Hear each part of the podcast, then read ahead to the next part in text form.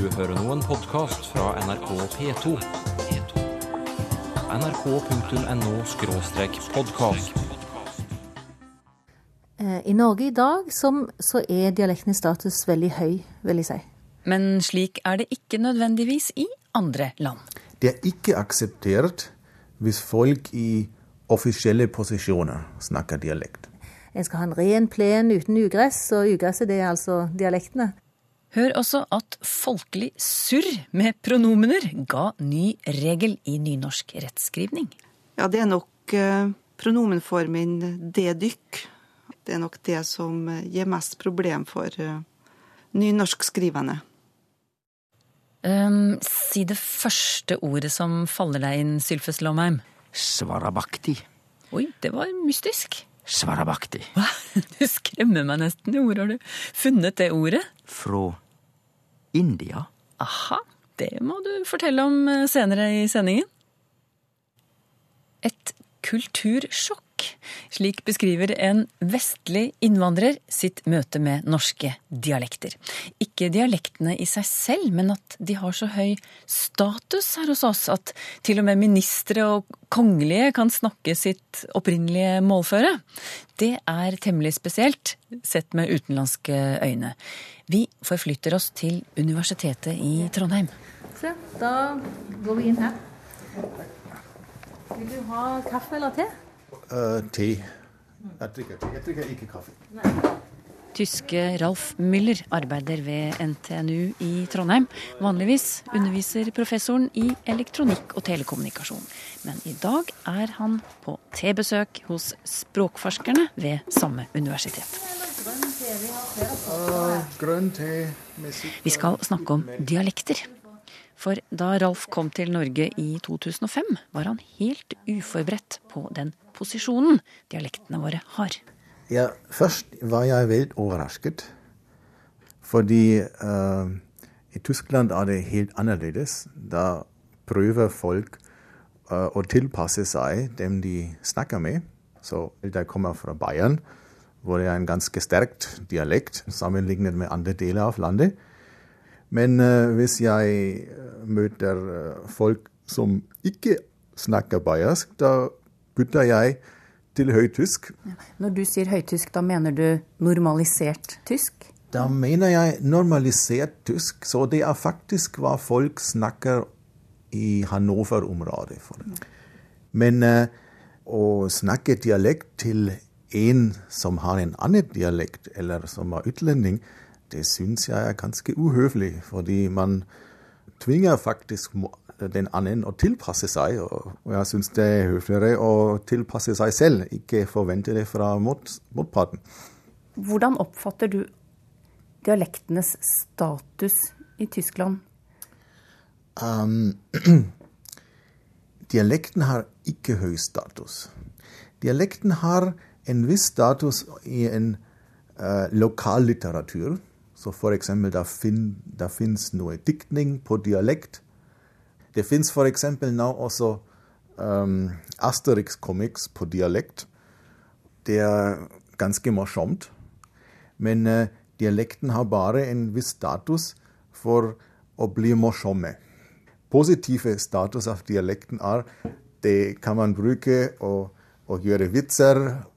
Um, når man ser på TV, man ser karikaturer. eh, personer som eh, snakker dialekt og blir lagt parodier av. Eller, eller slike ting. Nå har du jo sagt litt om noen sammenhenger der du opplever at det er eh, akseptert å bruke dialekt. Eh, I hvilke situasjoner opplever du at det ikke er akseptert å bruke dialekt?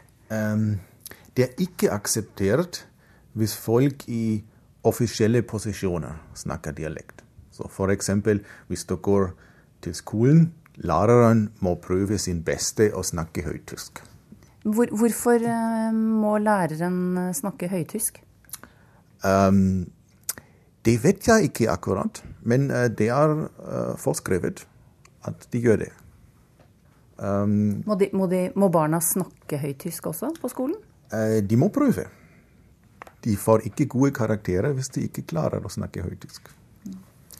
Og det samme gjelder f.eks. når du går til en administrasjon, går til politiet eller en annen statlig, statlig administrasjon, da er det helt klart at de må snakke høytysk. Men um, Selvfølgelig er det slik. ja, ja, hvor, hvorfor må de det? Eh, På, på skattekontoret eller på politistasjonen, som du sier? Nei, det, det, det vil jo faktisk være diskriminerende mot dem som ikke forstår dialekten. Men hvis du selv eh, trenger å gå inn på et offentlig kontor i Tyskland for å ordne noen saker, ja. hva slags språk ville du valgt da? Høytysk, selvfølgelig. Også, også i Bayern. Fordi jeg ville ikke forvente at eh, ansatte er, er eh, heller fra Bayern. Så det kan jo være fra en annen landsdel. Men du, eh, hvis en tysk minister hadde brukt dialekt, hadde snakket dialekt i offisielle sammenhenger, hvordan ville du ha reagert? Uh, jeg ville le. Og de fleste gjør det. Så um, Hvorfor ville du le? um, Ja, faktisk uh, Det er jo slik at folk prøver å ikke snakke dialekt i, i offentlige sammenheng. Så hvis man en gjør det uansett, da betyr det faktisk han ikke klarer det. Da spør man seg ja, er han kvalifisert som minister? Men hvis han kan høytysk, men velger å snakke dialekt, hva forteller det? Det vil ingen gjøre. Det ville ingen gjøre. Sånn, her var teen ferdig. Vær så god. Å, tusen takk. Ved siden av å passe på tevannet har Åsta Øvregård også lyttet til Ralf Müllers historie. Og hun nikker gjenkjennende, for her ved Institutt for språk- og kommunikasjonsstudier treffer hun mange utenlandske studenter med lignende beretninger om dialektenes lave status i hjemlandet. Ja, det er jo litt forskjellig. Eh, Jeg har hatt russiske studenter som eh, nekter for at det i det hele tatt finnes dialekter i Russland. Og det gjør det jo selvfølgelig. Det er jo et enormt land, og det er dialektforskjeller, selv om ikke de er så store som i eh, eh, Norge. Eh, men når de nekter for det, så tror jeg det er litt fordi det er viktig for de å si at de er ikke enkle, uutdanna mennesker. De eh, har det på stell, dette her med å, å kunne snakke et standardspråk. Um, så har vi f.eks. franskmenn som forteller om en veldig iherdig sentralisering i Frankrike. At det var mange flere dialekter tidligere, og nå er de ganske undertrykt, vil jeg si. Og eh, der det er en eh, elite i Paris som eh, har hele bukten og begge endene når det gjelder språkpolitikk. Og der det snakkes om at en skal ha en ren plen uten ugress, og ugresset det er altså dialektene. Eh, Jeg har òg en iraner nå som forteller at eh, det er akkurat sånn i Iran òg. Altså de snakker sine dialekter eh, rundt omkring i landet, men på skolen så er det en selvfølge at elevene må begynne å lære seg å snakke standardisert. De utenlandske studentene du har snakket med, da, hvordan reagerer de på den posisjonen dialektene har her i landet? De ser ofte med undring på dette her at, at dialekt skal være noe å være stolt av. Eh, Det skjønner de ikke. Nei, det er kanskje ikke så lett å forstå. Selv tyske Ralf, fra en kultur vi har mye til felles med, stusser. Man forventer ikke en stor kulturforskjell innenfor Europa, innenfor Nord-Europa, så å si. Så først og fremst var jeg overrasket om det. Så hvorfor har egentlig dialektene fått så høy status her i landet? Ja, da må vi se på norsk nasjonsbygging. Det nasjonale i Norge, det bygger på eh, folkekulturen, altså bondekulturen. Og, og bøndenes språk, det var dialektene. Så Ivar Aasen reiste rundt og samla dialekter og skapte det norske skriftspråket han sto for, eh, på grunnlag av dialektene. Um, så har du Knut Knutsen med sitt eh, prosjekt, der han bygde på dannet dagligtale i byene. Og det var jo dansk, bare uttalt eh, på norsk. Så hvis du skal se på hva som hadde nasjonal prestisje av disse to prosjektene, så er det helt opplagt at det var nynorsken og dialektene. Um, hva var det som hadde sosial prestisje? Ja, det var dannetaglig tale. Uh, og etter det som etter hvert ble bokmålet. Uh, så disse to, den sosiale prestisjen og den nasjonale prestisjen, det falt ikke i hop. Og det er veldig uvanlig. Fordi i andre land så har du et, en skriftstandard, og så har du et, en talemålsstandard som begge to har både sosial og nasjonal prestisje. Det binder da nasjonen sammen. Det har du ikke i Norge. Og vi eh, har jo stadig hørt slagordet 'tal dialekt, skriv nynorsk'. Og de fleste av oss vi eh, taler dialekt og skriver bokmål. eh, og vi har ikke noe press på oss til å lære å snakke noen talemålsstandard. Så altså finansminister Sigbjørn Johnsen står og snakker hedmarksdialekt på eh, Stortingets talerstol, og kronprinsesse Mette-Marit representerer med sin sørlandsdialekt. Så det har ingen udiskutabel prestisje ved seg å snakke dialekt, for så vidt. Men det har heller ikke det motsatte. Du avslører deg ikke som uskolert og utdanna ved å snakke dialekt i Norge. Det mente Åsta Øvregård ved Institutt for språk- og kommunikasjonsstudier i Trondheim. Og den tyske professoren som undret seg over dialektenes posisjon her i landet, det var Ralf Müller. Personlige pronomener er ikke alltid like enkle å håndtere. Og her har jeg et lytterbrev som handler om akkurat det. Inger Seljestad fra Kvam i Hardanger er opptatt av en dialektendring som hun mener foregår i kommunen. Det gjelder andreperson flertall på nynorsk. Altså det og dykk, som i no må det skunda dykk.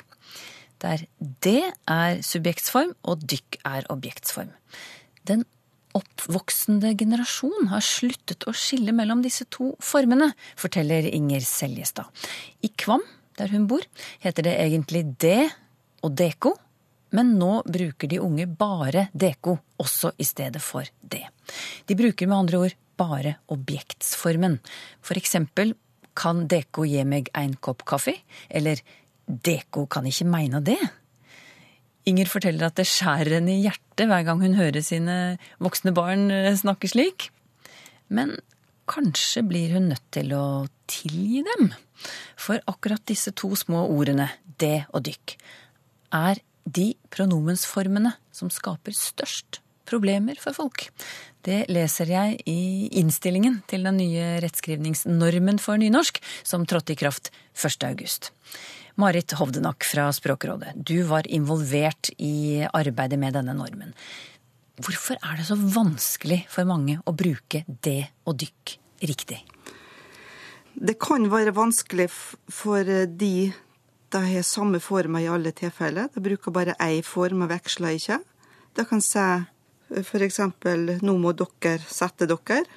Ja, det sier de her i Trøndelag hvor jeg bor. Ja, ja. eller som i bokmål. Nå må mm. dere sette dere. Ja.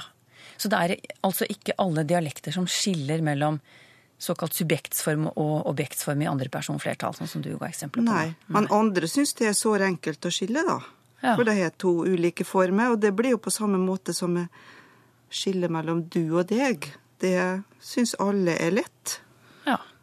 Men nemnda i dette arbeidet med ny norm da, ønsket å gjøre det lettere for folk å, å turnere, kan vi si, andre person flertall. Hva slags ulike løsninger ble diskutert underveis? Ja, det var jo særlig to ting som var diskutert da. Det ene var å åpne for å kunne skrive bare én form uten veksling, altså den samme forma i begge posisjoner. Ikke skille mellom en subjektsform og en objektsform. Mm. Hva slags forslag eh, kom det til ord der, da, som skulle dekke disse to? Ja, fra før har vi jo i nynorsk det og dykk, som har vært der bestandig siden Åsen sin tid. Eh, men akkurat forma dykk syns mange er litt eh, fremmed. Eh, så det var vurdert å kanskje gå inn for ei annen form der.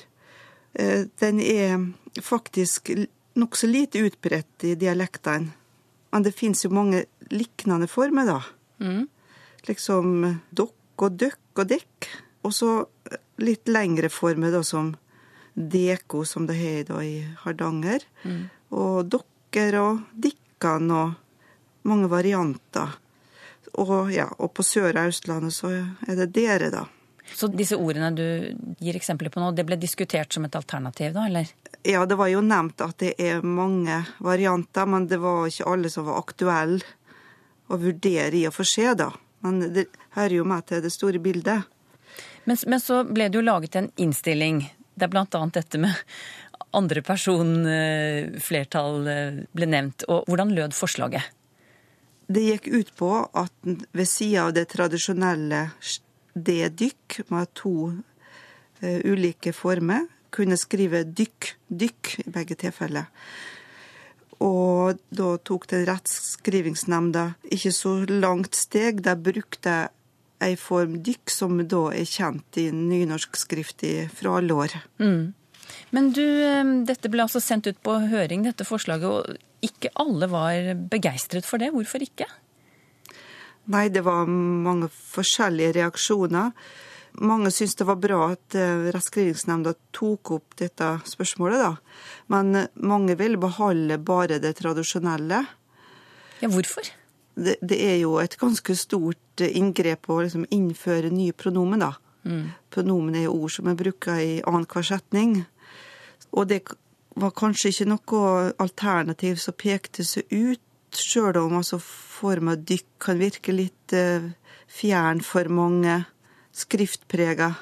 Mm. Og kanskje ja, fremmed særlig for deg som ikke leser så mye nynorsk, da. Ja. Så det ble altså ikke godtatt. Da måtte, det, måtte nemnda ta en runde til på bl.a. Uh, dette med andre person flertall. Så hva, hva ble den endelige løsningen på problemet? Ja, det er jo ved sida av det tradisjonelle det-dykk, så kan jeg nå skrive dokker, dokker. Altså nå må dere skynde dere. Ja. Ja. Hvorfor ble dokker valgt til syvende og sist? Ja, det er jo Dokker er ei form som, som kan samle flere liknende former. Så det er ei slags samleform, er det ment som, da. Men eh, det er jo ei form som har god støtte i talemålet. Men du eh, sier at denne løsningen, altså dokker som et alternativ til det dykk, den satt langt inne hos nemnda. Hvorfor det? Det er noe med forholdet mellom skrift og tale å gjøre. Når en tar inn ei sånn tydelig talemålsform inn i skrift, så på en måte rokker litt ved det skillet mellom skrift og tale. For skriftmål det er jo noe en må lære seg uansett. Og det er jo mange som har litt annen form, f.eks. i Hardanger deko, som kanskje ikke mm, syns at eh, dere er noe godt alternativ. Nei, det er ikke sikkert at denne nye muligheten blir brukt av alle. Takk skal du ha for orienteringen, Marit Hovdenak fra Språkrådet. Vår lytter i Hardanger, Inger Seljestad, du får en oppmerksomhet i posten fra oss som takk for innspillet. Og som du hører, Inger, det er ikke bare på hjemplassen din at andreperson flertall kan være vanskelig å holde styr på. Tid for lytterspørsmål, Sylfes Lomme. Vi begynner med et brev fra Paul Oddvar Haugli, som skriver Hva kan det komme av at en gammel mann høres eldre ut enn en eldre mann? Gradbøyningen er jo gammel, eldre, eldst. Det er helt rett. Det er gammel, eldre, eldst, og det er det vi kan kalle gradbøying av adjektiv. Men hvis vi begynner å snure litt på dette og tenke litt, så er det kanskje ikke så umulig å forstå at eldre kan bli oppfatta som noe yngre enn gammal. Fordi hvis vi sier om en person at vedkommende er gammel, ja vel, så er personen gammel. Hvis han er eldre, så relativiserer vi. Altså, øh, det blir relativt med eldre. Og det som er relativt, det flyter, altså er ikke det så absolutt lenger, dette med alderen. Og da fører det til at eldre kan oppfattes som kanskje til og med noe yngre enn en gammel mann. Dette er ikke typisk norsk, det er slik i flere språk. Engelsk old man, en elderly man, er jo da strengt tatt eldre, men kan oppfattes som noe yngre enn an old man. Mm. For det har, har, jeg sett diskutert uh, før. Og det er jo noen som blir mer støtt av å bli kalt for en gammel person enn å bli kalt for ja, en eldre Han er en eldre herre, f.eks. Det høres liksom litt hyggeligere og, og finere ut. ja, og det er jo fordi at eh, den komparative formen, altså andregraden av adjektivet, det ligger i sakens natur at den forma relativiserer sjølve innholdet. Jeg liker å tro at jeg kan alle norske ord, skriver Synnøve Lund. Så derfor ble jeg litt satt ut da jeg fant et ord jeg verken kunne eller forsto. Det var egentlig en elev som først fant ordet og spurte meg, og ordet er svarabakti-vokal. Hva i all verden er det? Mm, vokal veit jo alle hva men det ordet svarabakti. Og alle som har studert språk på universitetet, kan dette, iallfall de som har studert norsk og allmenn språkvitenskap. Men for andre er jo dette et mystisk ord. Det er rett og slett et gammelt ord fra India. Og det er fordi at eh, de første språkfolka vi kjenner til i verda som systematiserte lydlæra i språk, det var språkforskere i India 400-500 år før Kristi fødsel. Og det var de som brukte dette ordet svarabakti. Og det betyr på godt norsk innskudd, altså noe som du skyter inn, en lyd. Og det blir brukt om fenomenet På gammelnorsk så hadde vi madur. På islandsk så er dette blitt til madur. Det kom inn en u-lyd mellom D og R. Det er ein svarabakti-vokal. En innskottsvokal. Og vi har det i norske dialekter også. På gammelnorsk så heiter det å være rik, det var riker. Men mange dialekter sier ikke å være rik, ein rik mann, men vi snakker om ein rike mann. Altså en E som er lagt til K. Den E-en er òg en svarabakti-vokal. Det er en vokal som er lagt til, altså skoten inn, i ettertid. Etter gammelnorsk. Og hvorfor er den der?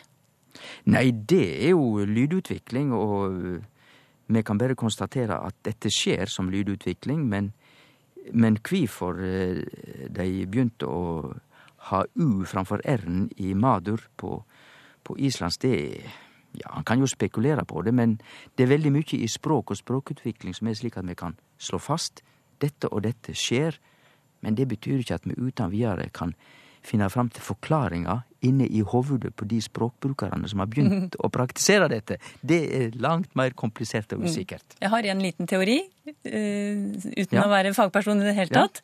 Ja. Uh, det er jo lettere å si mother enn å si mother.